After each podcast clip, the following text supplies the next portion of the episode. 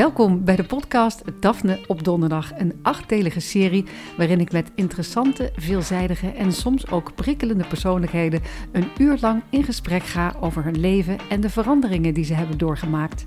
Waar op het vrouwelijk lichaam zit de Devil's Doorbel? En mag je daar nou wel of niet aan zitten? Hoe kun je de lelijke ervaring van gepest worden omturnen naar een bestseller? En wie besloot op haar veertigste om via social media nog een geheel eigen mode-imperium te beginnen?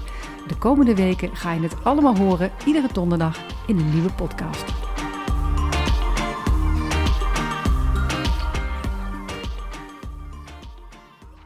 Welkom bij de podcast Daphne op donderdag. Ik ben Daphne Dekkers en vandaag is bij mij te gast een vrouw die andere vrouwen oproept om slecht te durven zijn. Wees woedend, onbeschaamd, onbescheiden en gevaarlijk. Ze is schrijver, dichter, theatermaker en opiniemaker, maar volgens Johan Derksen is ze bovenal het meest irritante wijf van Nederland. En een kutwijf. En een kutwijf.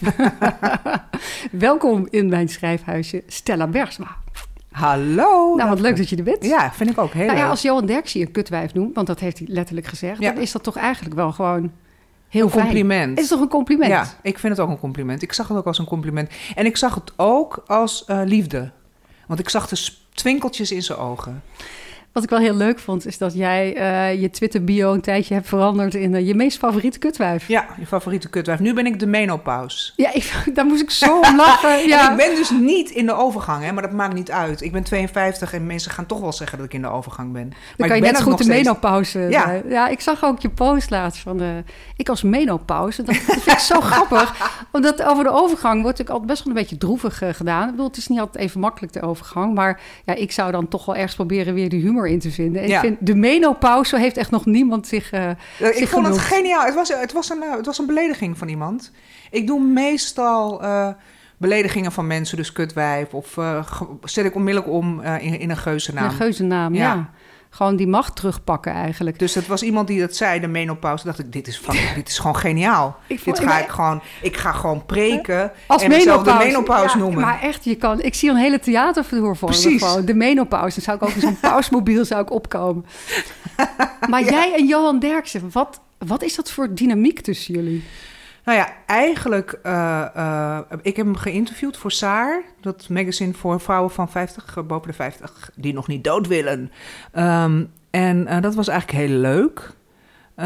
Ik kan het eigenlijk prima met hem vinden. Ik vind hem aardig. Ik vind wel een beetje een oude lul, maar dat heb ik ook tegen hem gezegd. Die gewoon niet meer goed eh, zich rekenschap wil geven van de tijd waarin hij leeft. En verantwoording wil afdragen voor, voor gewoon dat hij ook een heel groot publiek heeft. Dat daar heel die allemaal En daar ook een bepaalde verantwoordelijkheid bij hoort. En maar dat vindt hij niet. Nee, dat vindt hij allemaal niet. En daar wil hij niks van weten. Dus dat vind ik een beetje eh, stom van hem. Maar dat heb ik hem ook gezegd. Dus wij samen kunnen het best goed vinden.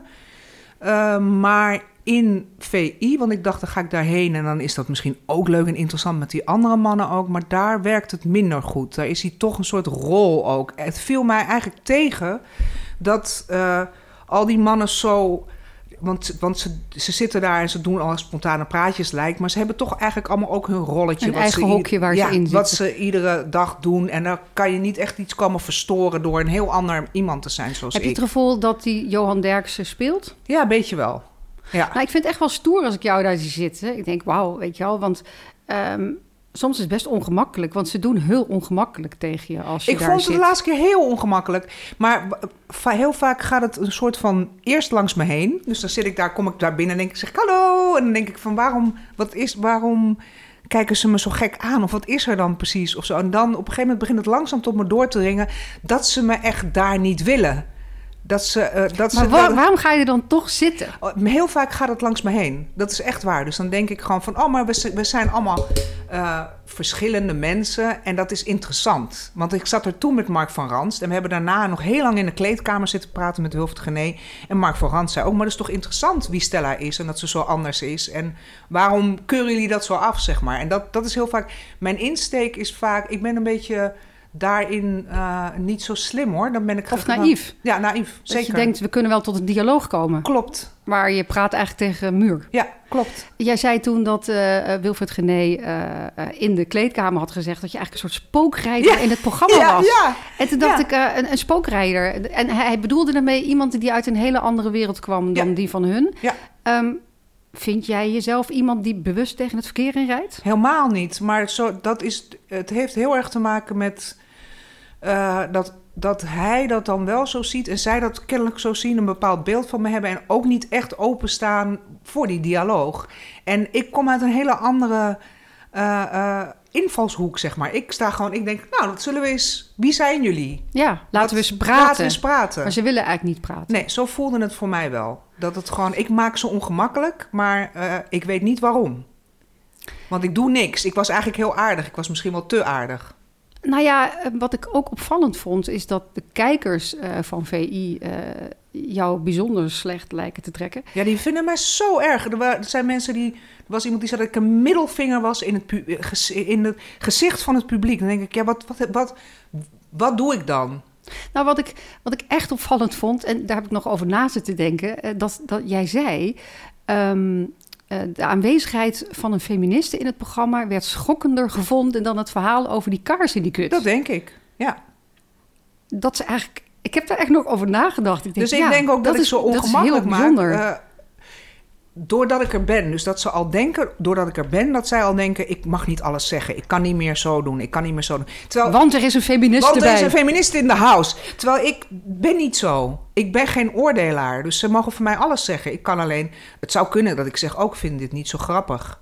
Of eh, waarom zeg je dat nou? Zo, Dat kan, dat kan allemaal. Maar ik ga, zou ze niet op het matje roepen. Of, eh, en, eh, en dat gevoel heb ik. Dus maar eh, misschien ik- hebben zij zoiets van: we hebben een dynamiek die heel goed werkt. Ja, Iets we hebben ons- geen zin in We zo'n hebben iemand geen erbij. zin in iemand die een spaak tussen onze wielen komt Ja, steken of zo. Ja, het is wel. Ja. Nou, dat snap ik ook eigenlijk wel. Alleen ik had niet gedacht dat dat zo was. Ik had gedacht dat dat wel kon. Ik had gedacht dat je ook iets aan elkaar kan toevoegen. Ja. En dat het interessant kan Dat ze zijn. het ook leuk zouden vinden om een soort disruptor erbij te hebben. Precies. Maar dat vinden gewoon- ze niet leuk. Nee, dat vinden ze niet leuk. En ik- ik had me verkeken op dat, op dat die dynamiek van hen die werkt... eigenlijk ook gewoon een soort goed geoliede machine is... waar ze niet van af willen. Waar, ze lijken heel provocatief, maar dit is eigenlijk hun comfortzone. Oh, dat is wel interessant, inderdaad. Ja. Iets lijkt provocatief, maar eigenlijk. Maar eigenlijk doen ze steeds hetzelfde met elkaar. En als er alleen maar mijn aanwezigheid... want ik heb... Jij bent al veel provocatiever. Ja. Dan moeten ze echt. de Mijn aanwezigheid is, is de, de provocatie, maar dat is verder niks. Want ik, was, ik heb, ben daar geweest en ik heb niks onvertogens Ja. gezegd. Nou, ooit eh, is het begonnen eh, in 2019, eh, toen jij die Net 5 talkshow Ladies Night, toen je daaraan mee ging doen. Een aantal goedgebekte vrouwen die allerlei onderwerpen gingen bespreken. Ja, belachelijk dat jij daar niet bij zat eigenlijk. Ik Waarom zat nooit- jij daar niet? Nee, Ik waarom ben nooit gevraagd. Ehm, en na de eerste uitzending daarvan daar- Ja. werd je al de vrouwelijke Johan Derksen genoemd. ja. Toen zei Johan Derksen zelf nee, het is de vrouwelijke Wilfred Gené. Ja. Gené zei nee, het is de vrouwelijke Peter R. de Vries. Als het maar een of andere... eh, ja, En toen dacht ik, mag je al eh, Stella Bergsma zijn? Nee. Nee. Maar dat eh, is wel mijn doel natuurlijk.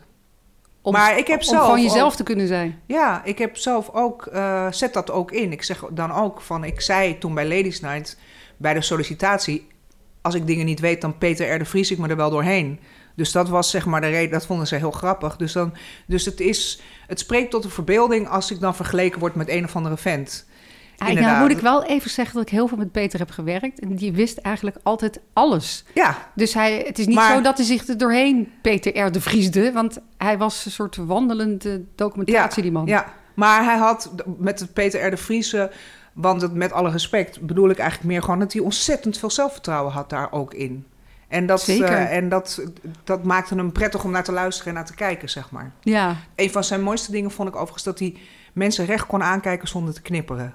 Oh Ik ja? En waar- heel veel ontzag voor gehad. Dan zag je hem gewoon in een talkshow. Dan zat hij gewoon naar iemand te kijken. En dan zei hij gewoon ja, dit en dat. En dan bleef hij gewoon zo kijken. dacht ik, jezus, jij bent echt voor de duivel niet bang. Nee, dat was hij zeker niet. Hij eh, zat vaak bij Boulevard toen ik het presenteerde. En eh, als we dan onderwerpen hadden, dan eh, moest ik dat dan inleiden met een vraag of niet, of iets met mijn eigen mening of zo. En dan, hij kon me dan altijd aankijken en dan was het van, nou Daphne, dat heb je niet helemaal goed begrepen. dacht ik, ah shit. Maar soms zei hij dan, nou Daphne, dat vind ik een goede vraag. En dan was je altijd helemaal happy. Peter vindt het een goede vraag. Nog even over dat, eh, over Ja. dat Ladies Night. Eh, dat was bedacht door Linde de Mol en, Ja. en Merel Westrik. Eigenlijk om een soort VI te zijn. En Yildo, hè?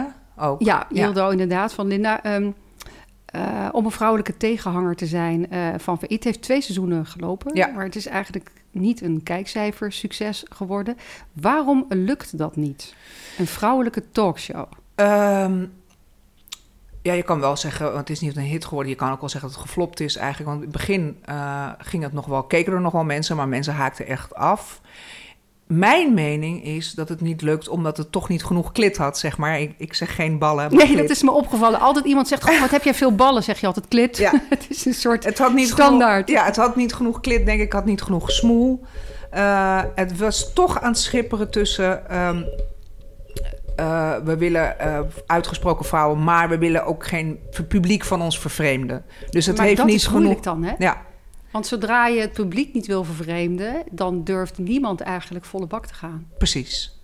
Want in Amerika heb je bijvoorbeeld The View. De view is fantastisch. Bestaat al decennia volgens Maar de mij. view is, wat, kijk, wat er bij de view gebeurt, wat ik heel vervelend vond dat er niet bij Ladies Night gebeurde, is dat het gewoon vrouwen zijn die praten over wat ze vinden van. Het? hoor. Nee, ik dacht, ik kan dit wel, terwijl je aan het praten bent.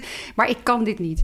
Het is Waarom is dit... Ja, je kan het er of uitknippen of je laat het er gewoon in. Dan kan ik voor de, voor de luisteraar kan ik beschrijven dat Daphne het, het schermpje wat voor de microfoon zat Mijn nu aan- je panty, eh, dat ze die even, ze heeft even de panty losgedaan en toen weer vastgedaan. mijn panty laten zakken, maar mijn panty zit weer vast. Eh, bij de View is het zo dat het vrouwen zijn die praten over alles in het nieuws. Over alles wat er gebeurt in de wereld en niet alleen over vrouwenonderwerpen. En bij Ladies Night gingen ze toch steeds meer ook, ja, denk ik, uit een soort... Bedoel, ze, eh, ik weet dat Yildau in een interview zei... eh, ik hoop dat het gaat lukken, die talkshow. Want vrouwen die trekken vaak hun keutel weer in. Dus dat ging dan over de vrouwen op de bank, zeg maar wij. Maar de redactie zelf trok ook zijn keutel vaak, vaak in. Dus zeg maar, die waren ook bang. Dus vrouwen zijn banger voor, eh, om hun mening te uiten. Maar ook eh, de redactie was ook banger om gewoon smol te hebben, zeg maar. Dat is mijn mening daarover. Waarom ik denk dat het mislukt is. Nou ja, als je vrouwen bij elkaar zet in een talkshow... dan, dan werd, wordt het in Nederland al heel snel een kippenhok Ja. genoemd. Terwijl er heel veel mannen bij elkaar zitten voor heel veel talkshows. kijk, maar dat die- wordt nooit een hondenhok genoemd. Nee, die oordelen zijn sowieso achterlijk. Dus daar hebben we in het begin ook heel erg mee gespeeld. Met kippen, ook eh, reclame met kippen en zo. Maar het werd wel een wijvenprogramma. Dus het werd niet... Als Omdat het je al niet ging, ook buiten vrouwenonderwerpen Precies. Eh, Als het al ging over actualiteit of zo, werd het heel snel eh, eruit geknipt. Want het werd ook gemonteerd, zeg maar. Eh, en dan werden dat soort onderwerpen toch het min. Ik had ook bijvoorbeeld wel eens een keer een discussie. Ik had op een gegeven moment een keer een discussie met Fidan. Was er helemaal uitgeknipt. Maar dat is juist leuk. Weet je wel? Ja, dat zijn juist. want dat vind ik zo goed bij de View. Dat Ja. ze vrouwen hebben die heel veel verschillende meningen hebben. Daar zitten vijf vrouwen volgens Ja. mij. Maar het zijn hele verschillende types. En die gaan elkaar ook bijna te lijf. Maar dat levert dan wel zeg maar, allerlei verschillende invalshoeken Precies. over het nieuws.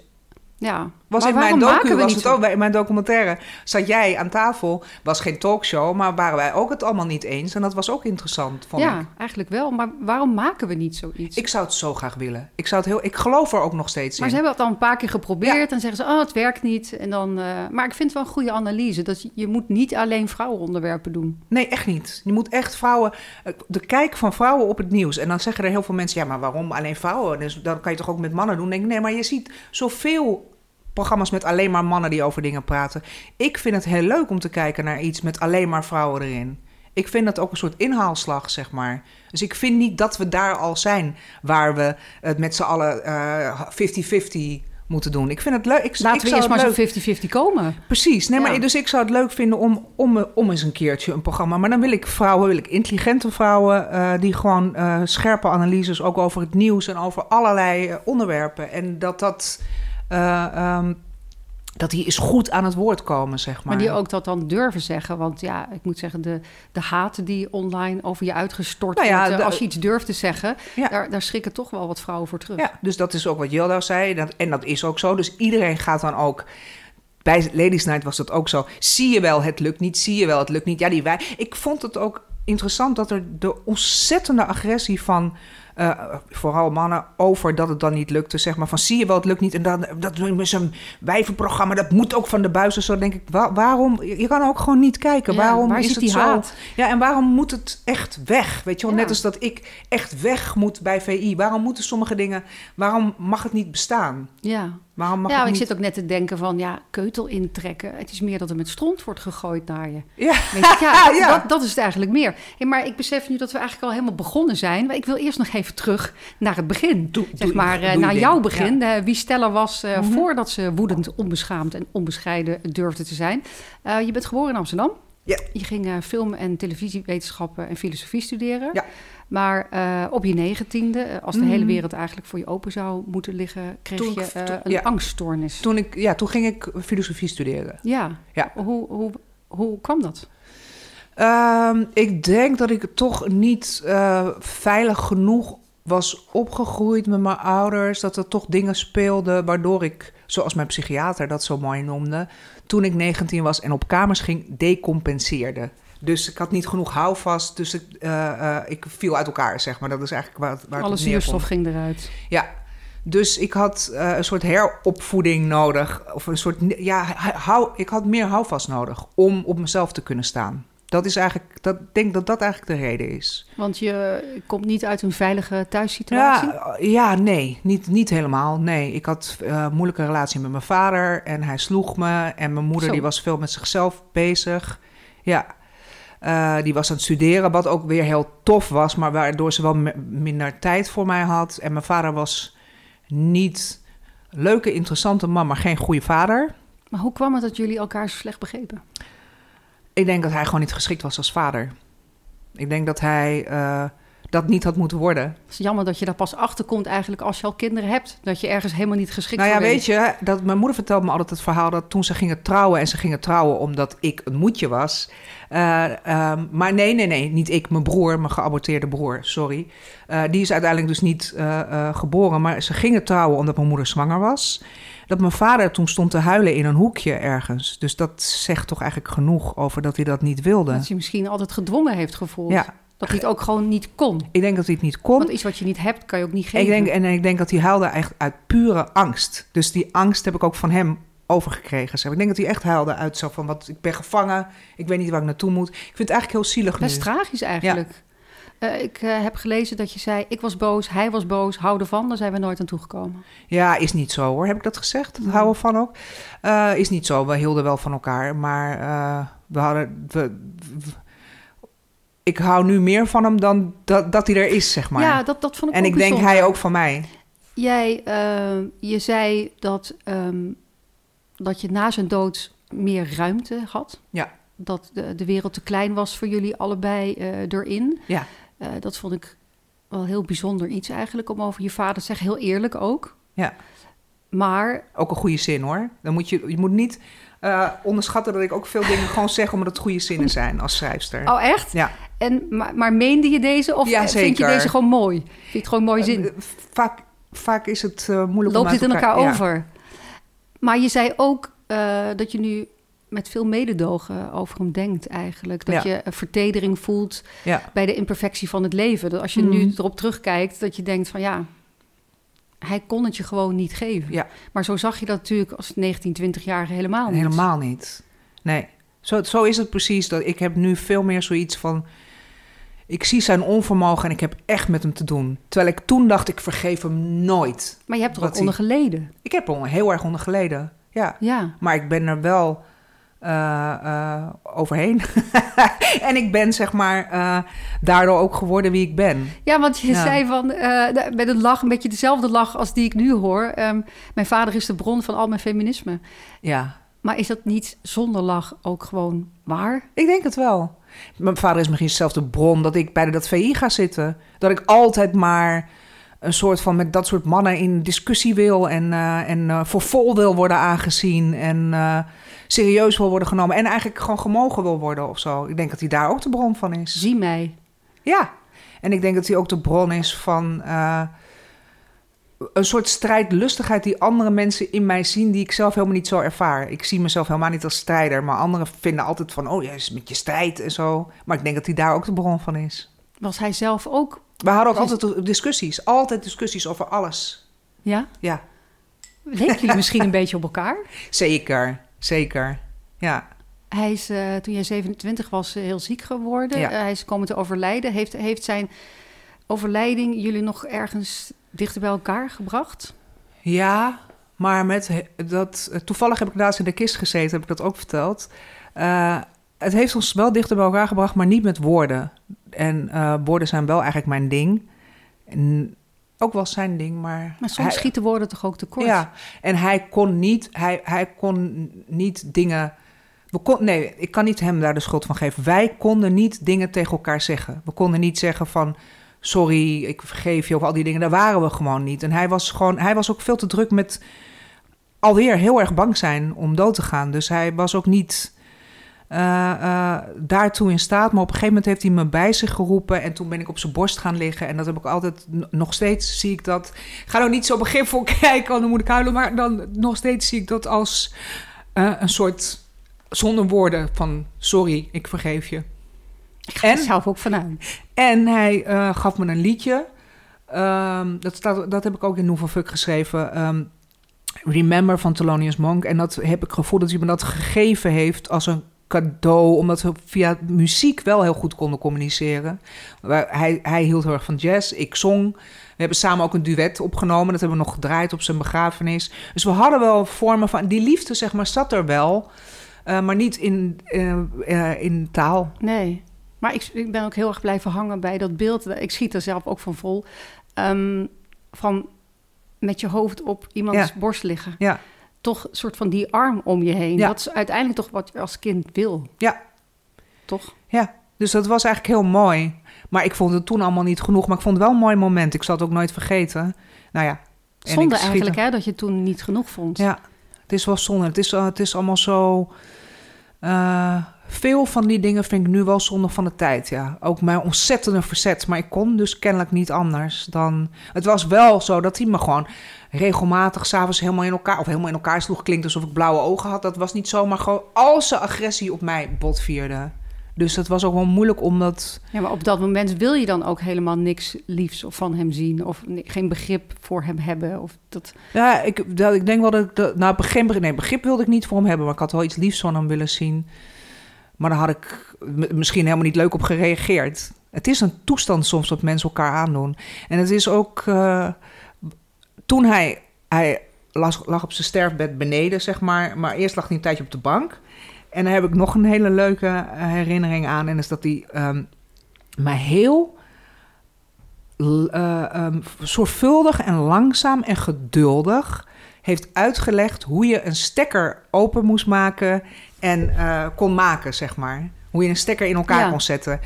Het was zo vaderlijk en zo eh, eh, geduldig en rustig. Dat was helemaal nieuw voor mij. Dat, dat is ook een hele goede herinnering die ik heb aan. Want dat had je heel erg gemist. Ja. Gewoon een vader die Ja. iets uitlegde. Ja. En niet die me uitlegde, want dat deed hij heel vaak. Van, kijk, het zit allemaal zo... Het was heel vaak een soort ego-ding. Dus we hadden ego-strijd. Daarom ben ik nog steeds nu een soort van allergisch voor al die mensplaners... die, die mij allemaal dingen willen uitleggen. Eh, eh, Maar toch is het wel heftig eigenlijk. Je bent nu 50 plus. Dit gebeurde zeg maar toen je 20 was. Je vader overleed toen je 27 was. Hoe dat doorwerkt. ja, maar ja, dat, ik denk dat dat altijd zo is... dat eh, wat je jeugd is, dat je dat met je meedraagt. En Nou ja, sommige hebt de mensen helft weten... van degene van je vader en de helft van degene Ja. van je moeder. Dus Ja, het zit Daarom. gewoon in je, in je vezels eigenlijk. ja, Toen je vader eh, eenmaal was overleden, toen had je ruimte voor een relatie. Ja, dat gevoel heb ik echt. eh, Overigens, als ik de helft van degene van mijn vader heb, wil ik ook nog even zeggen dat het een heel erg interessante, originele, creatieve, bijzondere man was. en die eigenlijk. helft wil je graag hebben. Die helft heb ik ook wel, denk ik. Ja. Ja, ik denk dat hij me dat allemaal heeft gegeven. Hij heeft me ook heel veel bijzondere trekken gegeven. En eh, waardoor ik me wel een soort van onderscheid van andere mensen, of waardoor ik de kunstenaar kan zijn die ik ben. Zou er, als je nu terugkijkt, iets zijn wat je nu nog zou willen zeggen tegen je vader? Oh, ik zeg heel vaak tegen hem dat ik hem heb vergeven en dat ik. Oh, ja? eh, ja. Soms dan Wat kijk mooi. ik eens naar de hemel en dan zeg ik dat. Het gaat goed, ouwe. Ja, Nou. Je eh, kreeg een relatie met Ja. Steven. ja. Steven? Steven? Steven. Steven. Ja. Heb je nog steeds een relatie Heb ik mee? nog steeds een relatie mee. Terwijl, vind ik ook zo bijzonder dat eigenlijk je vader daar eerst voor moest overlijden. Voordat er ruimte was voor andere mannelijke energie in je leven. Ja, het was ook heel raar, dat weet ik ook nog heel goed. Dat als ik vriendjes had, ehm, dat hij daar heel raar op reageerde en ook extra onaardig tegen me ging doen. Dus er gebeurde ook iets. Ik weet dat ik een vriendje had uh, en uh, Cliff heette die, als hij luistert. Cliff Eshuis. Jongen, waar ben je toch?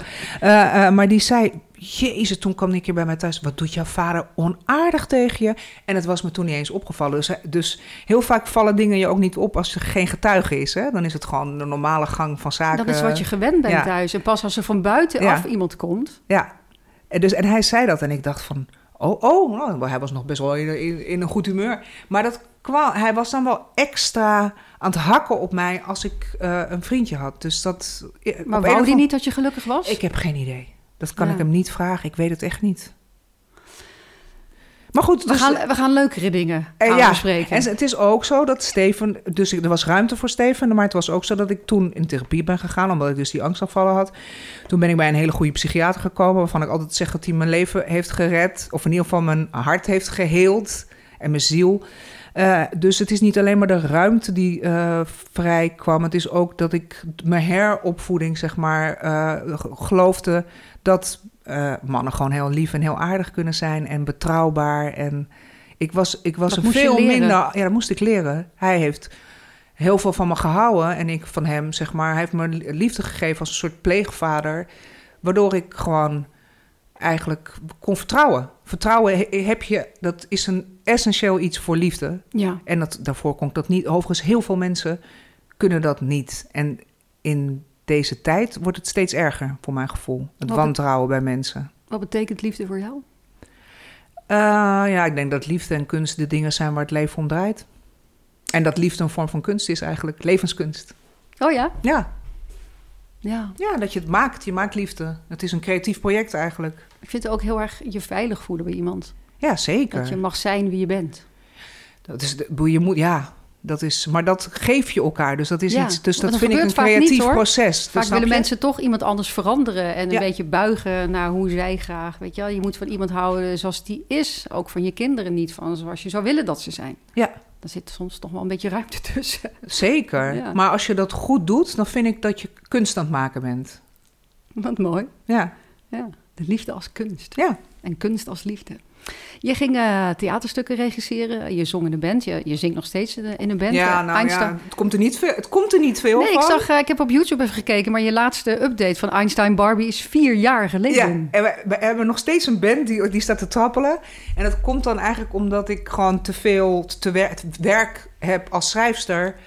Eh, dus dat komt er steeds niet van. Hoe is die naam gekomen eigenlijk, Einstein Het was eigenlijk mijn chatnaam. Ik had een chatnaam in zo'n chatroom. Dat deed ik toen in, weet ik veel wat. Was het MySpace of wat was ja, allemaal? wat had je? Je had, je had weet je zo- zoals het nu Twitter en zo had je toen chatrooms. En toen dacht ik, oh ja, de ideale vrouw is natuurlijk Einstein Barbie. En ik wil de ideale vrouw zijn. Dus, en zo is mijn band. eh, eh, daarvoor waren we, was ik met Steven samen alleen. Waren we Juno. En maakten we elektronische, depressieve kutmuziek. Ah, oké. nou ja, het is dat je het zelf zegt. Nee, het las, was eh, hele mooie muziek, maar het was heel deprimerend. Ik las dat je frontwoman bent van Einstein Barbie en beatpoet. Wat is een beatpoet? Beat Poet, weet je niet eh, van eh Allen Ginsberg en allemaal dat soort gasten uit...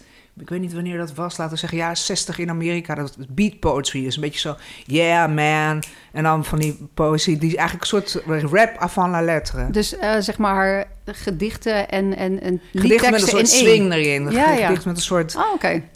Ik zal je eerlijk zeggen dat ik ehm, jullie nog nooit had zien optreden. Maar lang leven YouTube, dus ik ben even gaan kijken. Maar non de ju. Wat kan jij goed zingen? Nou, dank je. Wauw, ik, eh, ik heb jou Paddy Cash horen zingen. Dat heb ik op YouTube eh, gezien, tien jaar geleden alweer, bij Rob Stenders. Ik vond het echt top. Ja, dat was toen ook wel een klein hitje, zeg maar. We hebben Perry Cash en Cool Like That. Dat zijn onze enige twee hitjes geweest. We hebben Oh, het vond ik ook tof. Cool Like That soort Ja. James Bond-achtige videoclip zat erbij. Ja, Eh, ik, ik heb dan ook op YouTube, dan er staan er reacties onder. En steeds zeggen mensen, waarom heeft dit niet meer gedaan? Waarom Ja. is dit niet groter geworden? Ja, weet ik zelf ook niet. Maar eh, we waren daar zo mee aan de weg gaan timmeren en het werd dus niet groter. Eh, eh, en ik, omdat ik het heel erg wilde promoten, ging dingen schrijven. Ook gedichtjes en songteksten en zo. En toen ging dat schrijven eigenlijk een eigen leven leiden. En kwam daar meer interesse voor dan voor mijn muziek. Ja. En het zou leuk zijn als het nog een keer full circle gaat. Nou ja, het zou echt zonde ja. zijn als je met die stem van jou, als je daar niks mee zou blijven doen eigenlijk. Want Nou ja, je het is kan waanzinnig goed zingen. Het is wel het plan Ja. om. eh, ik ben nu met Steven weer een beetje eh, gewoon thuis, eh, weer een beetje aan het musiceren. Zoals we ooit begonnen zijn. En, en onze band staat echt te trappelen. Dus mijn plan is eigenlijk, als ik een boekpresentatie heb, of van mijn dichtbundel of van mijn roman, om weer met mijn, om mijn band weer bij elkaar te trommelen. En dan zijn Ja. we inmiddels allemaal 50 en zo. Heerlijk. Ik heb Ja, altijd gezegd. Maakt niet uit, de Rolling Stones, doe dan Ja. nog rock'n'rollator. Nee, weet ik je heb wel, altijd gezegd, eh, als ik 50 ben, begin ik een rockband. Want dan dacht ik dat dat heel oud was, weet je wel. En dan, dat het dan heel cool was om dan te gaan rocken. En nu Nou. ben ik alweer 52. En die rockband gaat er komen. Echt wel? Ja, echt iedereen die zit te luisteren, kijk even op YouTube. Paddy Cash van Einstein Barbie bij Rob Stenders. Dat is echt een, een waanzinnig goed nummer. Wat ik trouwens wel geestig vond, dat naast Einstein Barbie, hè, wat toch echt behoorlijk rock'n'roll is... heb jij tien jaar als telefoniste bij een doktersdienst gewerkt? ja. ik probeer me jou voor te stellen als telefonist bij een doktersdienst. Ja. Nou ja, ik heb ook, eh, ik heb ook hele serieuze kanten. En ik eh, vind, de me- ik heb zelfs een tijdje arts willen worden. Ik heb de, de medische eh, kanten van het leven interesseren mij wel. Maar ik was niet zo goed. Ik was in het begin wel goed, maar na een jaar of vijf, zes begon ik wel slecht te worden. Begon ik slordig te worden en eh, afgeleid te zijn. En mijn baas heeft heel erg lang eh, zijn best gedaan om me ontslagen te krijgen. Tot hij Oh. me uiteindelijk ontslagen heeft.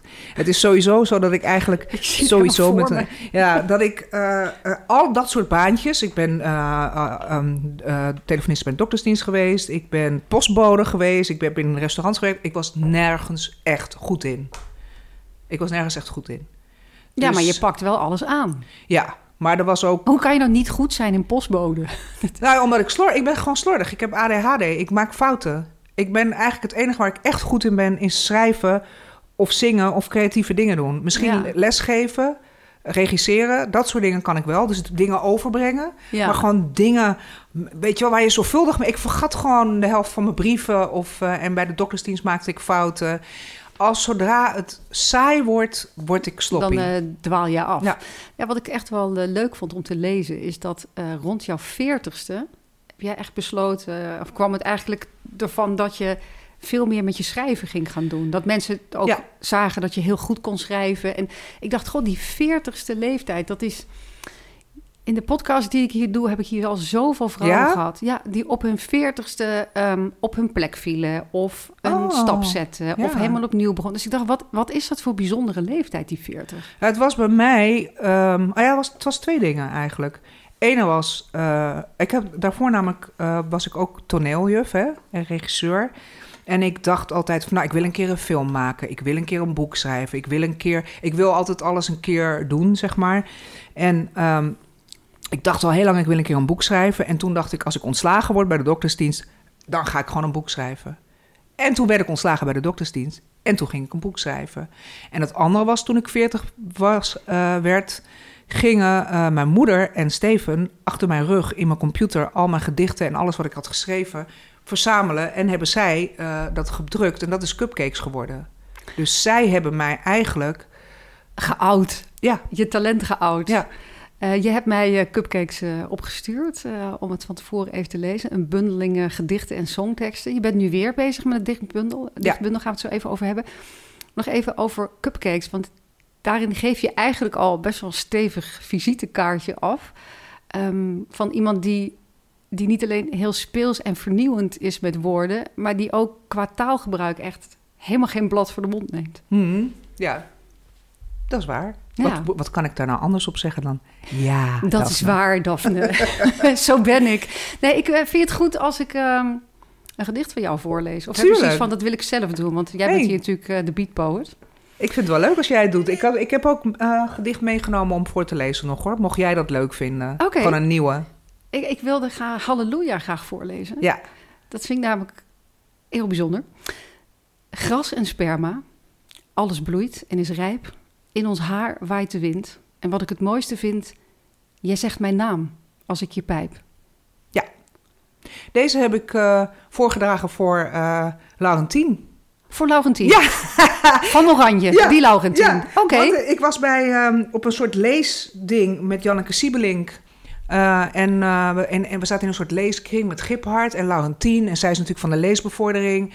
En toen hadden we het over, maar jij maakt ook poëzie stellen. Weet je iets uit je hoofd? En dit was gewoon het eerste wat me te binnen schoot. En dit wist jij uit dus je ik hoofd? had zoiets van, halleluja. en zij moest, ik dacht, dat is wel grappig. Want het was uh, een van de eerste dingen die ik deed voor publiek. En ik dacht... Of iedereen vindt me natuurlijk weer stom, want ik word altijd, mensen vinden me altijd provocatief en zo. En zij vond het leuk. Ze moest erom lachen en ze kwam daarna naar me toe en ze zei wat leuk. En het publiek uh, vond het leuk. En ik weet nog dat ik dacht, goh, niemand is kwaad op me. Ik weet nog dat ik die zin dacht, omdat ik had verwacht dat er weer mensen kwaad op me zouden zijn. Nou ja, ik wil hier niet uh, de psycholoog uithangen. Maar ga je, gang hoor. Je hebt natuurlijk ook wel gezegd dat je vader was altijd kwaad Ja. op jou. En toen Ja. hij eenmaal was overleden, dacht je, oh wat heerlijk, er is niemand meer kwaad Ja. op je. Maar volgens mij verwacht je stiekem toch nog ergens Altijd. dat er altijd iemand kwaad op je is. Ja. En ik kan het niet helpen, want dan zeggen mensen, ja, dan moet je dan. Eh, moet je je misschien minder provocatief gedragen of ga dan, weet je wel, je, je vraagt er ook om, zeg maar, tussen aanhalingstekens. Maar het, voor mij is het gewoon wie ik ben. Dus het is niet dat ik expres provoceer om mensen kwaad te krijgen. Nou ja, ik vond het wel geestig waar het dan op uitdraait. Weet je, gras en sperma. Je zegt mijn naam als ik je pijp. Ik zag hem niet aankomen. Ik moest er erg om lachen. Maar heb je het gevoel dat mensen er anders naar kijken als een vrouw zo'n gedicht schrijft? Ja, dat gevoel heb ik. En ehm, Want eigenlijk is het bijna een soort haiku. Ja, Hij is En iets het- langer. hij is iets langer. Maar hij en gaat ook over de natuur. En ja, nou, het is, ten eerste is het echt gebeurd. Uh, ten tweede vind ik het heel romantisch. Ik vind het echt een romantisch gedicht. En ook een vrolijk en, weet je wel, gewoon halleluja, gras en sperma. En dan heb je eigenlijk God, maar ook seks. Je hebt alles. En, het, en, en hoe mooi is het als iemand je naam zegt als je hem pijpt.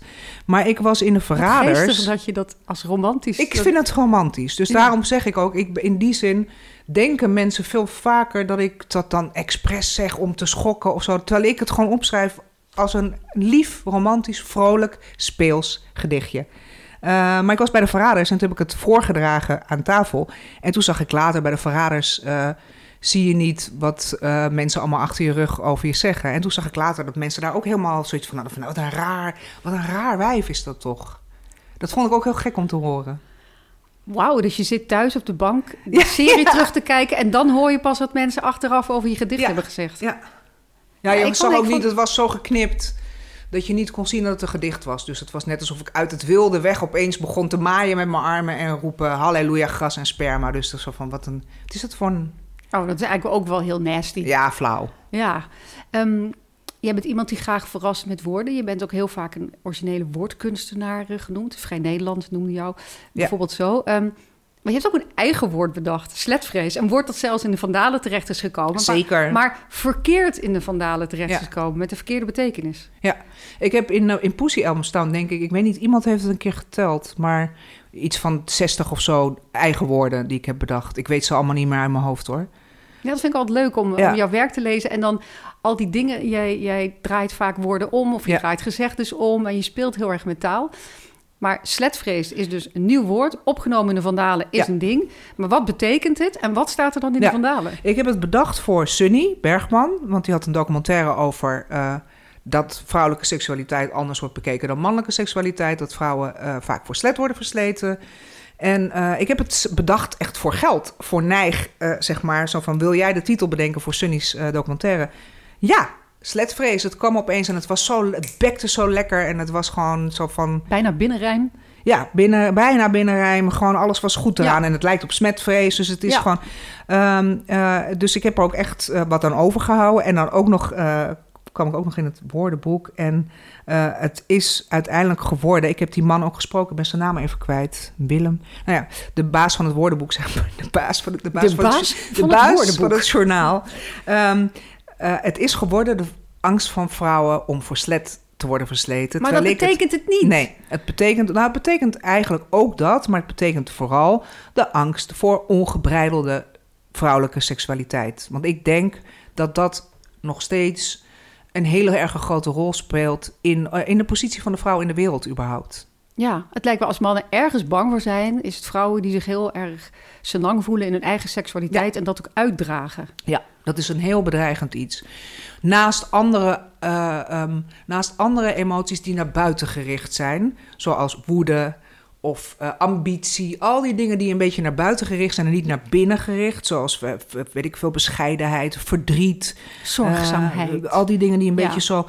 Dat kunnen mensen heel goed hebben van vrouwen. Maar alles wat een beetje daar naartoe gaat... en dat geldt dus ook voor seksualiteit... dat, dat moet bij vrouwen altijd een beetje beknot worden. Ja, tragisch. Maar helaas waar. Ehm, ik heb laatst ook een heel leuk nieuw woord geleerd. Een woord wat ik niet kende eh, op Reddit. Op Reddit eh, hadden ze eh, een aantal posts verzameld ehm, van mannen die totaal geen idee hebben over hoe het vrouwenlichaam werkt. Of hoe de vrouwelijke seksualiteit werkt. En ik vind het altijd shocking hoeveel mannen dat blijken te zijn. Ja. En ze hadden daar zo'n hele post van verzameld... met allemaal dingen die mannen online gezet hadden... dat je dacht, serieus, geloof Denk je dat? dit? Denk jij dit? Ja, en een van die mannen... in plasgaatjes. Maar dat, hè, dat soort dingen. Dat, dat ze heel veel mannen niet weten dat het Als je vaker seks hebt, dan, dan gaan je schaamlippen naar buiten staan. dat de je uitlubbert dingen. alsof de vagina niet een loeisterke spier is. Als je die vaker gebruikt, wordt die spier alleen maar sterker. Maar oké, een van die mannen schreef dat, eh, dat je als vrouw zeker niet mocht masturberen. Want het was heel slecht voor je. Want de klit was de devil's doorbell. Ja, de Devil's Doorbell. Daar heb ik Ja. zo om gelachen, de Ja. devil's doorbell. Ik Het is denk dat... gewoon prachtig eigenlijk. Ja, er Ja. moet toch echt een soort vrouwenpunk rockband komen... Die, die, zichzelf die de devil's die, heet. die is er denk ik al. Dat moeten we zo even opzoeken, vast wel. Want het is een Maar bekende... jij kende dat woord al, de devil's ja, het is een bekende christenterm, zeg maar. Het is echt een, eh, iets wat ze gebruiken in Amerika. En het. Het, het, het, Ding dong. Ik zie ja, ding dong. Waarom, waarom doet hij niet open? Heel Satan. Maar het, ehm, het, wat er ook grappig aan is, is dat het, eh, het grijpt terug aan de traditie eh, van, van die angst voor vrouwelijke seksualiteit. Maar die je ook ziet bij heksenvervolging bijvoorbeeld. Daar dachten ze ook dat die vrouwen seks hadden met de duivel. Of seks wilden met de duivel. Dus alles wat die vrouwelijke seksualiteit is, wordt altijd gedemoniseerd. Letterlijk, ja. En eh, dat, ik denk dat dat. Ik heb eh, vroeger gezegd zo van als de kut bevrijd is, is de vrouw bevrijd. Ik weet niet of ik dat nog steeds vind, maar want ik vind ook dat vrouwen niet eh, andere dingen niet mogen, niet kwaad mogen zijn, niet ambitieus mogen zijn, niet mogen verlangen is ook een hele grote. Eh, eh, maar die seksualiteit denk ik wel dat dat een ontzettende rol speelt. Ik zag toevallig laatst iemand die zei, dat vond ik heel interessant. ehm, vrouwen gebruiken hun seksualiteit, zeggen mannen altijd. En denk ik, dat, dat wordt nooit over mannen gezegd. Want die zijn hun seksualiteit. Ja, Daarbij is het één ding. ja. En bij vrouwen is het dus los van wie zij zijn. Dat vind ik eigenlijk zo. Iets wat ingezet wordt voor Ja. snode doeleinden of ja, zo. maar en dan altijd om, om mannen te verleiden en zo. Maar het is, het is toch een eng idee dat het niet is wie jij bent. Het is toch bij vrouwen net zo goed wie jij bent. Je bent toch je verlangen, je seksualiteit. En bij mannen is dat gewoon geïntegreerd. En bij vrouwen is het los van hen. Ja, en dat moet ook nog gecontroleerd worden. Ja. En, want bijvoorbeeld eh, een, een, een lul of een eikel heet nooit de devil's doornap. Nee, Dus dat, die, die connectie wordt bij mannen nooit Nee. gelegd, want hun seksualiteit is van hunzelf. is van en, hunzelf. en de vrouwelijke seksualiteit is van iedereen. Ja. Iedereen mag er wat, eh, wat van vinden. Je zegt het zo goed, ik hoef niks meer te zeggen hier. Oh god. ik wil nog een ander gedicht eh, uit Cupcakes even voorlezen... waar ik heel erg om gelachen heb. En dat is Op het strand. Ja. Ja. Dat, dat, ik... Dat is ook een van mijn favorieten. Oh ja, echt? Ja. Wat grappig. Dat ik dan twee uitgezocht heb die je zelf ook... eh, op het strand. Toen je belde dat je op sterven lag... verstond ik op het strand. Dus ik ging niet langs en zei... Veel plezier. Ik denk dat ik daar goed aan deed... want later bleek het heel druk te zijn geweest... bij je sterfbed. En ik gooi altijd alles om. Bovendien ben ik geen prettig gezelschap. Ik hoop inderdaad dat je veel plezier hebt gehad. En de volgende keer moet je iets duidelijker spreken aan de telefoon. ik heb hier zo om gelachen. Of je de volgende keer wat duidelijker kan spreken. Hoe ben je hierop gekomen? Geen idee. Want Zo eh, ben ik nu ook en beetje- sperma is iets Ja. uit je eigen leven, maar dit is toch niet iets uit je eigen Nee, dit leven? was gewoon vrij associëren. Ik, had toen, ik was toen ehm, met een bevriende schrijver heel vaak aan het praten over, over grapjes aan het maken over sterfbed, sterfbedden. Omdat dat ja, zoiets schokkends is om daar grapjes over te maken. Dus daar zaten we een beetje mee te spelen. Het, ik, ik kom heel vaak op dingen door, ook door gesprekken of door eh, communicatie of door Maar ook taal. door te associëren, om gewoon een Ja, andere invalshoek. precies. eh, Hoe belangrijk is humor voor jou in een gedicht? Heel. Nou, in een gedicht niet per se, maar in in het leven. werk? In, in, Ja. in, in, mijn, in mijn werk en in het leven heel, heel belangrijk. Ik las dat je gastcolleges eh, geeft bij eh, de masterclasses van eh, schrijver Kluun. Ja. En dat jij vrouwen daarin graag wil leren om uh, een beledigende, maar ook grappige column te schrijven. Ja. Beeldig beledigen. Ja, is beeldig wat, beledigen, kunst kwetsen, is wat schoonschenden. moeten, waarom moeten vrouwen dat leren? Beeldig Hoog beledigen. humiliëren. Omdat het net zo is als, uh, als al die andere dingen waar we het net over hadden. Uh, dat dat iets is wat... Het is een vorm van expressie die bij vrouwen minder gewaardeerd wordt. Maar je wel... Al die dingen uh, die energie naar buiten zijn, zeg maar... maken je sterker en krachtiger. En maken je minder terug op jezelf geworpen, zeg maar. Dus, dus als jij durft scherp te zijn tegen iemand... dan is dat goed voor je. Want dat is hoe, wat in je leeft. En wat in je leeft, als je niet samenvalt met wat in je leeft, dan ben je maar half mens. Dus dat geldt ook voor die seksualiteit. Maar dat geldt ook voor je venijn of je woede. Of je... Bovendien maak je van al die emoties dan kunst. En dat Ja. is altijd een goed idee. Maar je zei, vrouwen hebben een eh, last van een humorachterstand. Ja, en ook een- van mannen wordt altijd grappig gevonden. Ja. Maar, maar het is ook zo dat als je als vrouw grap maakt, dat mannen dan niet lachen. Omdat ze gewoon niet. Ofwel. eh, eh, ze snappen het niet omdat dat het een grap voor vrouwen is, dat kan. Maar ze, het is ook heel vaak zo dat ze het niet verwachten. Of dat ze zelfs, dat had ik een keer met Maxime Hartman, dat die zei: Maak je nou een grapje? Ik zei: Ja, natuurlijk maak ik een grapje. Dat ze gewoon echt denken dat je niet in staat bent tot humor of spot of ironie. Of... Terwijl zoveel van de beste comedies door vrouwen worden geschreven. Ja, en maar zoveel dat wordt comedyfilms. Maar mensen weten niet dat het door vrouwen wordt geschreven. Nee, klopt. En, eh, en, en accepteren het ook niet als het door vrouwen wordt geschreven. Want als dat wel zo is en ze, ho- en ze horen dat later, worden heel veel mannen daar ook heel boos van. Dus die humorachterstand is net. Die, het, is, het is bij al die dingen. Ik zit steeds tegen die dingen aan te, tegen de microfoon aan te slaan. Daar horen we straks niks van. Ehm, maar het is bij al die dingen zo dat het, zeg maar, als het energie naar buiten is en als het energie is die je zelf manifesteert, dat het een beetje beknot moet worden. Nou, en wat dat ik heel dus gek vind, is bijvoorbeeld met boeken... eh, dat zelfs vrouwen hebben het gevoel dat mannen betere boeken schrijven. En ze hebben dan daar onderzoeken naar gedaan. Dat Klopt. als je mannen en vrouwen teksten laat lezen waarvan ze niet weten of het door een man of een vrouw is geschreven, dan lezen ze dus het verschil niet. En ik denk dat dat voor grappen ook geldt. Dus als je weet dat het van een vrouw is, dat je het automatisch minder grappig vindt. Ja, want Fawlty Towers bijvoorbeeld wordt natuurlijk altijd aan John Cleese gekoppeld. Terwijl hij het heeft geschreven samen met zijn toenmalige vrouw. Ja. Maar die wordt eigenlijk altijd helemaal uit het gesprek gelaten. Ja. Want John Cleese is dan het genie. Ik had terwijl zijn vrouw het schreef. Ja. Maar mensen weten het niet. Maar en vrouwen hebben gewoon last van wat ze dan binnen het feminisme noemen geïnternaliseerde misogynie. Dus die denken zelf ook dat vrouwen eh, minder eh, ehm, grappig zijn, minder geniaal zijn. Als ze al geniaal zijn, dat het toevalstreffers zijn. Daar is ook allemaal onderzoek naar gedaan. Dus dat klopt. Jezus, deprimerend. Ja, het is wel Nou, ik zag deprimerend. laatst eh, de Nederlandse literaire kanon voorbij komen. 100 titels, 76 mannen, 24 vrouwen. Dat kan bijna niet. Ja. Ja. En het, volgens mij is het al een vooruitgang. Ja, want het, kwam van het was nog veel meer Ja. uit balans. Ja. Moet je nagaan, dit is al een vooruitgang. Ik wil, ik wil nog iets zeggen over die humor, wat ik belangrijk vond. Ehm, maar ik weet het even niet meer.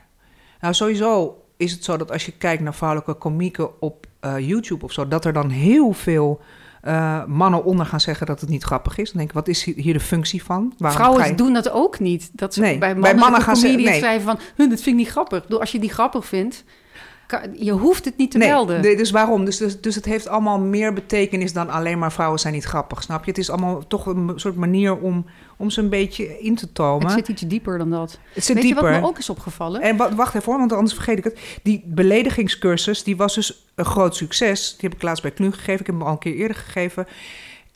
Oh, en ik kreeg ook allemaal berichtjes van die vrouwen. Van wat ontzettend leuk. En ik, en ik wist niet dat ik het in me had en zo. En je ziet Vinden echt het een soort van... Het is bevrijdend, maar het is ook... De speelsheid en de leukheid ervan is ook heel goed en inspirerend. Dus het is niet alleen maar van om iedereen te beledigen. Het is om iets, om, om iets wat je in je hebt eh, zitten... om te zetten tot iets positiefs, tot iets... Tot, tot hoge kunst, zeg maar. Hoog humiliëren. Dat je gewoon lekker... Dat je kan schieten. Ja, maar dat je emoties er ook zijn. mogen zijn. Precies. Ja, want we krijgen natuurlijk wel altijd geleerd van... nou, woede moet je maar naar binnen, moet maar naar binnen slikken. Ja, en, je en, ik denk dat, en ik denk dat het, dat het je een slechtere kunstenaar maakt als je met een extra condoom om schrijft. En ik denk dat vrouwen met een extra condoom om schrijven. Betreffende dat soort dingen als woede, venijn enzovoort. Dus ik wil ze daarin bevrijden, maar ik merkte ook echt dat ze het leuk vonden. Ja. Dus dat ze, dat, en dat ze het ontzettend goed konden.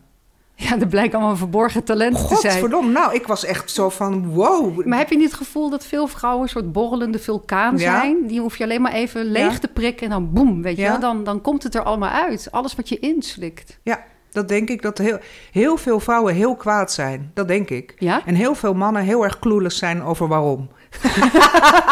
Ja. Dat denk ik echt. En dat is niet, no- niet meer nodig. En die woede is ook.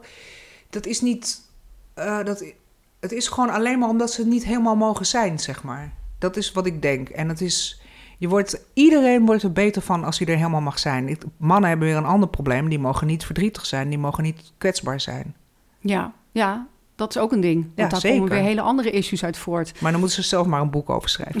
Ja, precies. Los het lekker op. Ehm, jij eh, bent zelf zeker niet iemand die met een dubbele condoom om eh, schrijft. In eh, Soms. 2016 eh, debuteerde je met een roman, Pussy Album. Ik heb hem hier liggen. Kan je kort uitleggen waar deze roman over gaat? Ja, het gaat eigenlijk over een vrouwelijke anti-held. En ik zal maar niet vertellen hoe het afloopt dan. Ik zal je eerlijk zeggen dat ik het best wel moeilijk vond om te lezen. ja. Het is echt de teloorgang eh, Ja. van een vrouw. Eh, veel drinken, veel seks, veel zelfdestructief gedrag. Ehm, zijn we misschien meer gewend om te lezen over mannen die naar de kloten gaan? ja. Want dit was er eigenlijk wel heel vernieuwend aan. Ja, dat, daarom wilde ik het schrijven. Ik wilde zo'n vrouw schrijven. Ik wilde die, omdat ik ehm, kijk naar mijn eigen helden. Eh, en dat zijn vaak de- eh, van dat soort zelf, zelfdestructieve mannen. Ik hou van die rauwe stijl van schrijven. En ik dacht, ik ken niet zo'n vrouw. Dus ik wil zo'n vrouw schrijven. Ja, nou dat is gelukt. Ja. Eh, ik vond het soms best moeilijk om te lezen.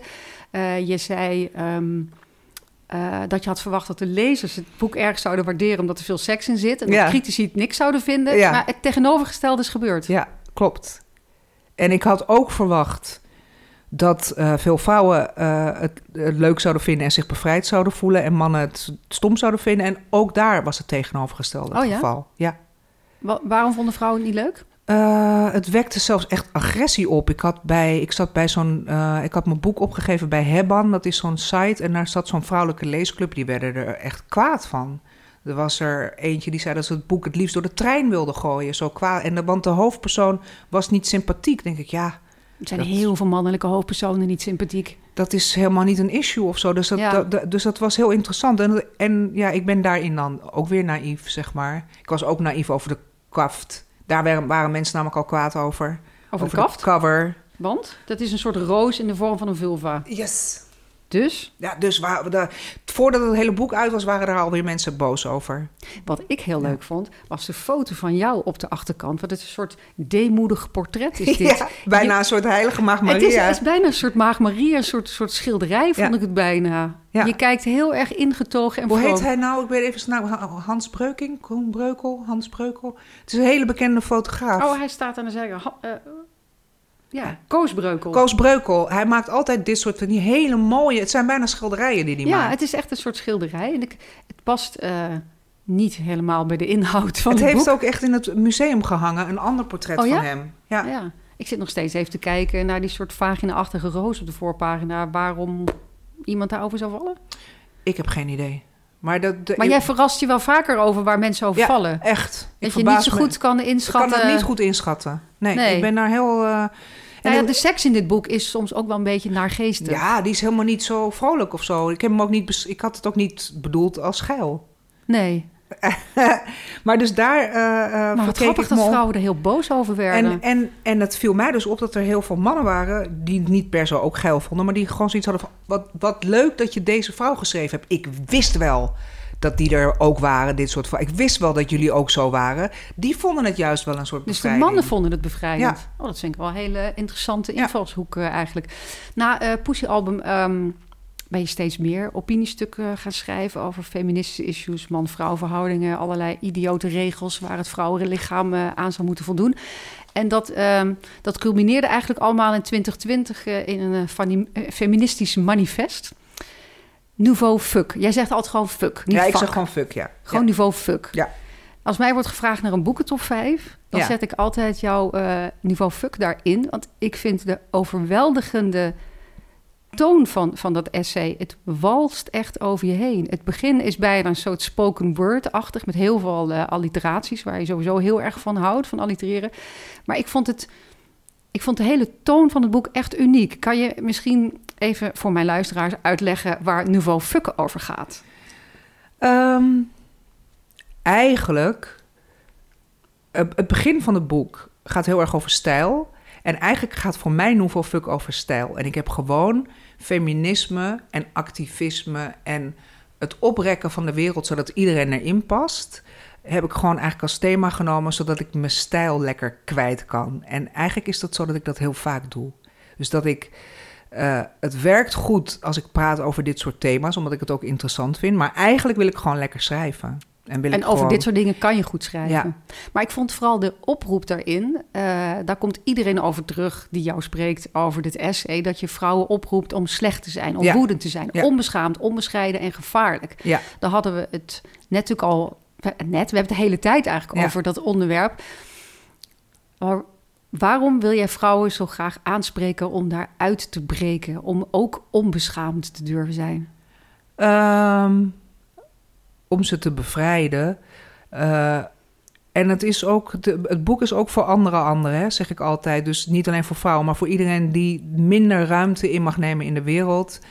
En daardoor ook minder mens mag zijn. Want uh, zoals jij net al zei, er zijn zoveel bijvoorbeeld mannelijke hoofdpersonen die zaggerijnig zijn. We vergeven het ze onmiddellijk. Uh, mannen op tv die zaggerijnig zijn. We vinden ze geweldig. Maar een vrouw die moet altijd lief en charmant zijn. Maar dat geldt ook voor uh, mensen van kleur of voor Er is bijvoorbeeld mensen... geen vrouwelijke Maarten van Rossum. Nee, en dat, maar dat zouden mensen ook echt niet trekken. Nee. Dat kunnen mensen niet aan. Dat vinden mensen niet amusant. Nee. Dus, God, dus nee. die range, die kleuren, dat palet, zeg maar. Maar dat geldt ook voor. Er is ook geen, geen, geen homoseksuele buiten van Rossum, zeg maar. Het geldt eigenlijk voor iedereen die niet uh, de norm is, die het. Me, ja, eigenlijk gewoon de, de standaardnorm witte heteroman. Uh, hebben minder palet om uit te kiezen in hun mens zijn. En ik wil ze dat geven eigenlijk. Ja, want van, van vrouwen wordt eigenlijk altijd bepaalde moraliteit verwacht. Ja, ze zeggen, ik, ze zeiden ook naar aanleiding van het boek van Nouveau Fuck, of zeggen nog steeds heel veel mensen: waarom doe je dat nou inderdaad? Want er is al zoveel slechtheid in de wereld. Waarom moeten vrouwen nou ook nog slecht zijn? Dan denk ik, ja, daar heb je een punt. Maar waarom moeten vrouwen uh, de morele redder zijn van de wereld? Maar je wil ook eigenlijk helemaal niet dat ze slecht zijn. Tuurlijk niet. Je wil meer dat ze, wat ze, dat ze kunnen kiezen uit hun eigen emoties. Ja, ik wil dat als ze het toelaten, uh, dan kunnen ze ook kiezen om lief te zijn, beleefd, zelfs teder, omdat ze het echt willen en niet omdat het hoort bij hun rol. Dan ja. hebben ze de mogelijkheid om te, om, hebben ze de vrijheid om te zijn wie ze, wie ze willen zijn. Een volledig dan, mens. Ook een volledig mens. En als je een volledig mens bent, dan ben je ook het liefste mens. Dan ben je het beste mens. Dan ben je het beste mens voor een ander. Dan ben je ook in balans, inderdaad. Ja. Op uh, Instagram en Twitter uh, ga jij uh, behoorlijk vaak confrontaties aan met mensen. Je krijgt ook heel veel boze reacties van mannen. Vooral als jij op jouw leeftijd uh, sexy selfies durft te posten. Of post, post van je borsten of zo. Dat, is, dat roept me reacties op. Maar jij post die boze reacties ook allemaal levensgroot op je Instagram. En zegt daar dan wat van. Ja, vandaag heb ik besloten om sorry te zeggen tegen iedereen die me haat. Dus mijn ik heb nieuwe, het gelezen. mijn nieuwe invalshoek is dat ik gewoon sorry tegen ze zeg. Het spijt, me, het spijt me dat jij het zo vervelend vindt dat ik besta. Maar ja, ik blijf wel gewoon bestaan. Maar er is ruimte voor jouw totale onbegrip voor mijn bestaan. Maar ik, sorry. Dus dat is mijn nieuwe, want ik ben nu de menopauze. dus ik kom nu op een leeftijd dat ik wat stichtelijker word. En uh, ja, ik, het is gewoon, het, het spijt me. Ik, ik, heb een keer gelezen dat je zei dat je kwetsbaarheid de moeilijkste emotie vindt. Ja. Maar kwetsbaarheid kan jij wel heel goed. Ik kan jij, het steeds beter. Want je durft wel echt te zeggen... Um, kijk, ik heb jou in een aantal programma's gezien. En als ik jou in praatprogramma's zie dan heb ik soms het gevoel dat je er niet op je plek zit. Of ja. dat je je onzeker voelt. Ja. Maar je durft ook te zeggen ja. dat je daar onzeker voelt. Eigenlijk durf je heel kwetsbaar te zijn. Als mensen zeggen, ah, je was zo slecht bij VI... dan zeg jij gewoon op je Instagram... maar ik voelde me ook niet op mijn gemak. Weet je wel, sorry dat ik besta. Ja, ja maar dat is wel nieuw. En dat is... En, en, um, da, dus ik leer nu beter om kwetsbaar te zijn. Dus nu durf ik zoiets te zeggen van ik voelde me niet op mijn gemak. De volgende stap zou zijn dat ik daar zit en zeg van ik voel me niet, ik voel me, ik word eigenlijk heel onzeker nu. Want we waren daar toen en ze gingen op een gegeven moment allemaal zeggen dat het een hele slechte uitzending was. al die mannen. Maar wat flauw ook, om dat te zeggen waar jij dat, bij zit. Ja, dat, was, dat werd heel naar voor mij. En toen gingen ze ook nog zeggen van... ja, waarom denk jij eigenlijk dat, dat, dat, dat die gasleiding... dat Poetin die gasleiding heeft eh, gesaboteerd? Want daar hadden we het over. Eh, en toen zei ook nog iemand... jij als vrouw met je... Dus het werd zo een soort van met je vrouwelijke intuïtie of zo... dat ik gewoon dichtsloeg. Er werd zoveel nadruk op mij. En dan was ik er ook nog als vrouw, niet als Stella. Dus opeens wist ik het gewoon even niet meer. Ik Alsof was gewoon... als vrouw iets van een gastleiding Ja, nee, dus, kan als, vinden. ja. dus er waren te veel dingen. Er was en het hele programma loopt niet omdat jij er bent. En wat vind jij daar als vrouw van? Dus ik moest eigenlijk daarop reageren, op dat als vrouw. Maar ook wat ik dan van Poetin. Dus ik wist het gewoon even niet meer. Eh, dus ik was even heel onzeker. En ik zou het geweldig vinden van mezelf... als ik de volgende keer zou zeggen... "Hey, sorry, ik ben even eh, van mijn apropos... omdat jullie allemaal zo... Ik voel me, ja, ik weet niet, ik voel me bestookt of zo. Want het begon al met dat Wilfred Genees zei... Stella, waarom, wat doe je hier eigenlijk? Ja, maar wat dus is het is ook wel heel veel. Ja. Ehm, Maar eigenlijk is het bijna een soort pesten. ja, het was een beetje Een beetje een pesten. schoolplein Ja. pestgedrag. Eh, Wat ik wel echt leuk vind, is dat jij overal gewoon t-shirts van maakt. Dus Ja. van iedere belediging, dus de menopauze. ja, eh, dat je op eh, Instagram niet met blote borsten mag. Of dat de vrouwentepel niet mag. De mannentepel mag wel. De vrouwentepel mag niet. En dan maak je t-shirts met van mij. Ja. Ehm, dat, dat is eigenlijk wel gewoon een hele geestige aanpak. Dat je het eigenlijk gewoon omdraait. ja, daarom zeg ik, ik vind humor heel belangrijk. Dus dat, dat eh, is gewoon een betere manier om je boodschap eh, te ver- verpakken, zeg maar. Bovendien, Zeker. bovendien vind ik humor eigenlijk... eh, Dat het klinkt heel stom, maar ben ik eigenlijk niet zo politiek... als veel mensen denken dat ik ben. Ben ik, vind ik grappen, maar ik vind de grap eigenlijk altijd belangrijker. Is het En ook een soort spel? Ja, Van als je Stella Bergsma uit de feministen wil, dan krijg je Stella Bergsma de feministen? Ja, beetje. Ja, beetje wel.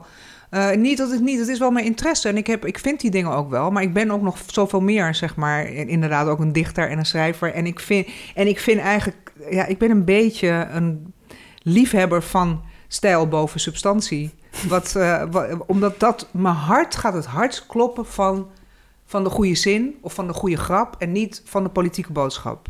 Want ik, Ik denk dat dat een verrassing is voor veel mensen. ja, maar dat, Mensen vinden jou heel activistisch. Maar dat kan ik ze ook maar niet. Ook mijn activistische vrienden hebben altijd zoiets. Nee, nee, je bent een activist. Nou ja, nee, eigenlijk niet. Ik weet dat het een verrassing is, maar Misschien meer een humorist met activistische trekjes. ja, dat denk ik. Dat denk ik. Vind jij vrouwen eigenlijk genoeg solidair aan elkaar? Nee, jij? Nou ja, ik zat je boek te lezen, eh Pussy Album, en meteen op de allereerste pagina zegt de hoofdpersoon: het enige dat vrouwen nog meer haten dan een ander wijf is, Is zichzelf. zichzelf. Ja. Dus ik dacht, oké, dit is wel. zit- Goeie zit, lijn, Er zit goeie heel veel in die ene zin, want het begint er namelijk mee. Het eerste dat vrouwen nog meer haten dan een ander wijf. Dus je hebt het gevoel dat heel veel vrouwen andere vrouwen haten. Ja. Ja, ik niet, maar Eva, de hoofdpersoon. Ja, Eva, Ja. ja. Eh, ja, ik denk dat er. eh, wordt wel beter, maar eh, dat vrouwen, omdat ze zichzelf haten, ook vaak andere vrouwen haten.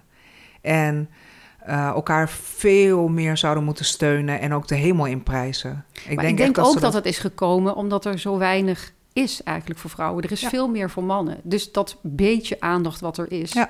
die, die paar mediaposities of die paar functies die voor vrouwen dan bereikbaar zijn, Ja. daar, daar moet veel meer om gevochten worden of zo. Dat denk ik. Dat, ik denk, ik ben het Dat helemaal met je eh, eens. een bepaalde concurrentie bij, bij vrouwen oproept. Ja, wat, wat, wat heel grappig is, want dan ga je dus eigenlijk mee in het narratief van... oh, we hebben vier mannen en er mag ook een vrouw bij. En dan is er een andere vrouw, is die bedreiging. Niet één van die vier mannen. Ja. Dat is toch eigenlijk idioot? Ja, je maar dan zijn we wel ingestonken met z'n Ja. allen. Want die vier mannen accepteren we, maar Ja. die ene vrouw... hmm, Is de bedreiging. Dat is mijn concurrentie. Terwijl, wauw, ja, dat zo zou het helemaal niet moeten zijn. eh, Het is natuurlijk wel zo, mannen strijden ook met elkaar, maar dan veel meer om positie.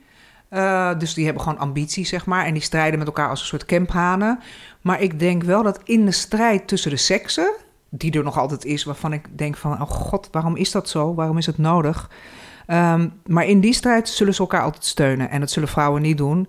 Die zullen toch eerder bij de mannen willen horen. Het is ook de beste, het is ook de leukste plek om te zijn. Want het is de plek waar het meeste mag. Dus je wil dan niet bij de vrouwen horen. Je wil bij de mannen horen. Je wil one of the guys zijn. Daar wil- worden de lakens uitgedeeld. Precies, Ja. daar heb je wat te zeggen. Dus als je daar mag zijn, ik noem dat patriarchaatkaakjes, kruimeltjes. Als je daaraan mee mag doen, dan kies je daar toch voor boven die andere positie. Ik heb hier zelf ook last van. Dat is ook een reden waarom ik bij VI wil zitten. Waar de meeste mensen naar kijken. Bovenop de apenrots. Ja. Want dan heb je het grootste publiek. Ja.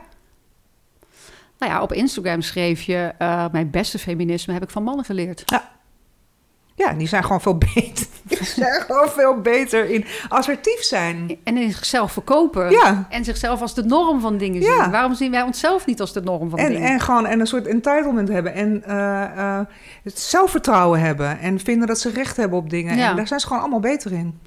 Je hebt er eh, een, do- een documentaire gemaakt, sorry voor de titel, voor eh, Net 5. Hè, waarom je als vrouwentepel jezelf moet bedekken, verbergen. Waarom je niet met blote borst op een strand kwam. Alles eh, kwam eigenlijk eh, voorbij. Ik zat daar ook in, in, eh, in het, in het groepsgesprek. en toen las ik laatst een interview met jou in de Humo. Ja. En daarin zei je dat er in die documentaire ook een schrijfster zat.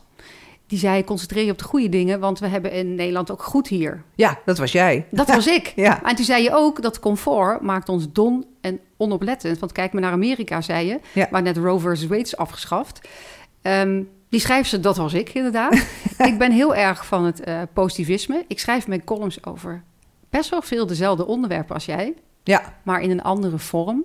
Zeg maar, heb jij echt het gevoel dat positiviteit of optimisme ons dom en onoplettend heeft Nee, gemaakt? maar ik vond. Nee, niet per se. En ik ben ook voor jouw positivisme. Maar eh, ik zei het om eh, min of meer als provocatieve uitspraak... in de zin van... Zwarte vrouwen bijvoorbeeld, die het minst comfortabel zijn in de hele wereld... weten alles het, het snelste. Die weten al lang dat Roe versus Wade overturned gaat worden. Die weten al die dingen al, omdat ze zo oncomfortabel Ze zijn. zijn op hun hoede. Zijn op hun hoede uit ervaring. Dus comfort eh, kan, ons, kan ons dom maken. Als we niet nadenken, als we niet dat, wat We schuurt moeten niet in die hangmat gaan liggen. Heel veel Precies. vrouwenrechten, waarvan wij denken dat ze allemaal Ja. lang bevochten zijn, die staan weer op de tocht. Dus, dat, dus in die zin eh, gebruikte ik dat. Zo van, je kan dat zeggen, maar kijk uit. Kijk uit mensen, want dit kan gebeuren. Ja. En, dat, en ik weet, ik heb veel eh, eh, zwarte vrouwelijke vrienden... Die, dan, die heel vaak tegen mij zeggen... ik ben toch gewoon een wit meisje uit het gooi. En dan zeg ik, oh, erg, ik ben zo verbaasd. Dat we, ik ben zo verbaasd dat die en die, weet ik veel, racistisch was of seksistisch. Zegt ze, dude, dat wisten we al lang. En denk ik, ja, jullie weten het omdat jullie gewoon beter kijken. En omdat jullie ermee te maken hebben. Dus in die zin, comfort kan dom maken, privilege kan ook dom maken. Want je kijkt niet meer, je, je hoeft ook niet...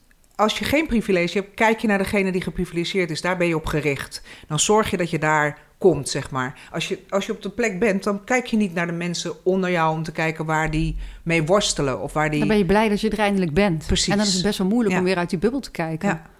Ik las een interview eh, in Vanity Fair met eh, Lizzo.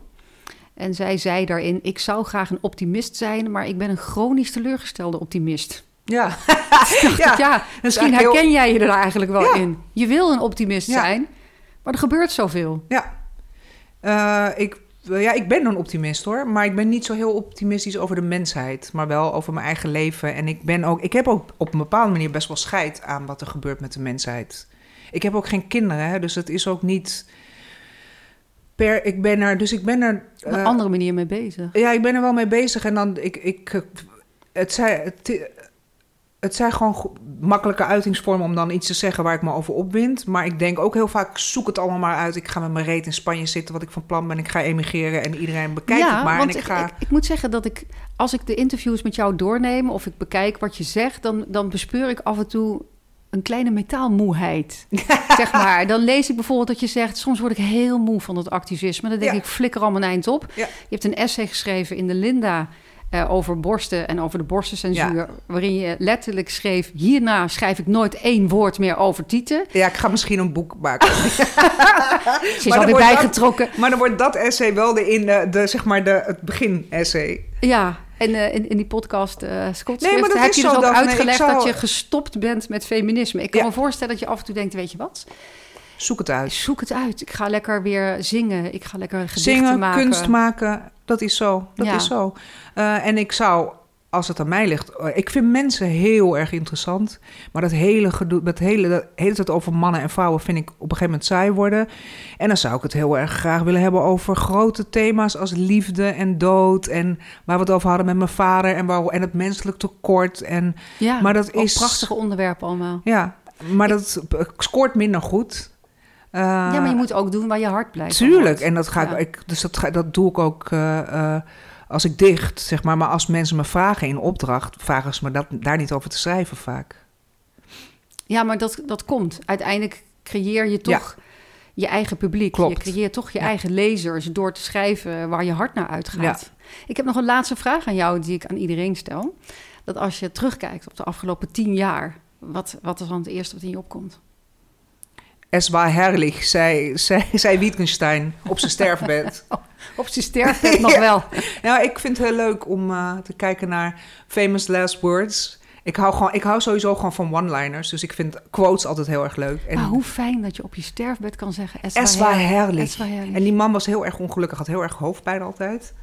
Uh, uh, we hadden het helemaal niet makkelijk. En toch zei hij, het was heerlijk. Uh, ja. Dat vind ik een mooi einde. Dank je wel. Je luisterde naar de podcast Daphne op donderdag in gesprek met Stella Bergsma.